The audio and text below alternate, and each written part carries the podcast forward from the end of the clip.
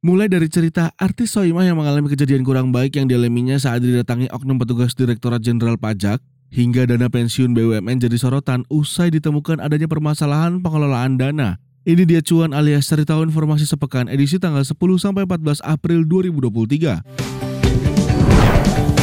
Cuan. Cari tahu informasi sepekan.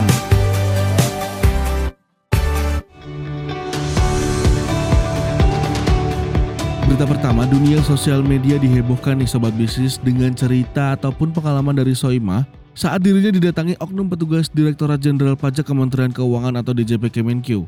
Lewat wawancaranya dengan Butat Ketara Jasa, Soimah mengaku didatangi pihak DJP Kemenkyu yang berperan sebagai debt collector pada 2015. Nah, oknum tersebut datang untuk menagih penghasilannya. Kemudian, Soimah merasa diintimidasi oleh oknum tersebut yang meminta nota keuangannya Tak cuma itu, Soimah juga sempat didatangi petugas pajak yang mengukur rumahnya di Bantul, Yogyakarta.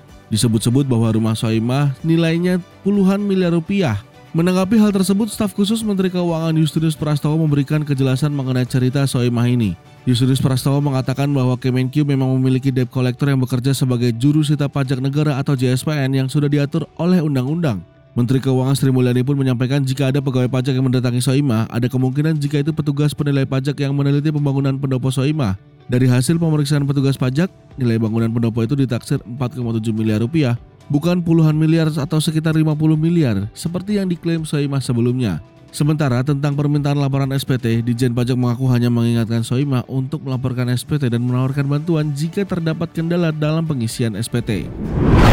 Lanjut berita kedua yakni penipuan modus baru dengan mengganti kode kris di tempat ibadah. Aksi penipuan modus baru dengan menggunakan kris terjadi di sejumlah masjid di Jakarta. Salah satunya adalah Masjid Nurul Iman di Jakarta Selatan karena videonya viral yang memperlihatkan seorang pria mengganti kris pada kotak amal masjid tersebut berdasarkan pantauan CCTV. Diduga penggantian kris tersebut tidak hanya dilakukan di satu kotak amal masjid tapi juga di tempat lain. Ditemukan sekitar 20 titik di sekitar masjid. Seorang warganet pun mengaku berhasil mendapatkan informasi dari kode kris terkait bahwa pelaku diduga berasal dari Medan. Setelah itu, warganet membeberkan identitas terduga pelaku bernama Muhammad Iman Mahlil.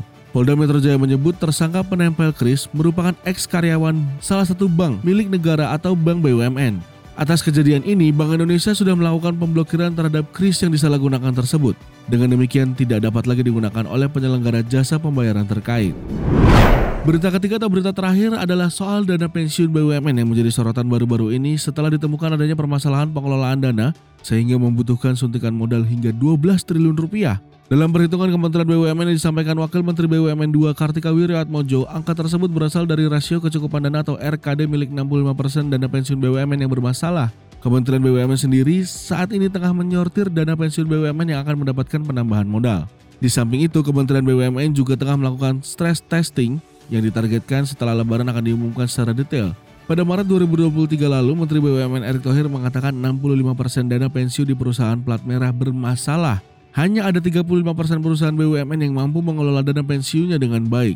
Masalah ini pun nampak pada defisit kecukupan depan BUMN atau unfunded, yakni sebesar 9,8 triliun rupiah pada 2021. Oke sobat bisnis, itu dia cuan alias cari tahu informasi sepekan edisi tanggal 10 sampai 14 April 2023. Jangan sampai kelewatan untuk menyaksikan konten-konten terbaru broadcast yang bisa Sobat Bisnis tonton via YouTube channel Bisniscom atau Sobat Bisnis juga bisa dengarkan lewat platform podcast kesayangan Sobat Bisnis via Google Podcast, Apple Podcast, Spotify, dan juga jangan lupa buat follow broadcast di Spotify, Google Podcast, ataupun Apple Podcast. Dan subscribe juga ya YouTube channel Bisniscom. Untuk tahu tema-tema terbaru podcast yang sudah tayang, Sobat Bisnis juga bisa cek di Instagram bird.cast. Jangan lupa follow Instagram bird.cast.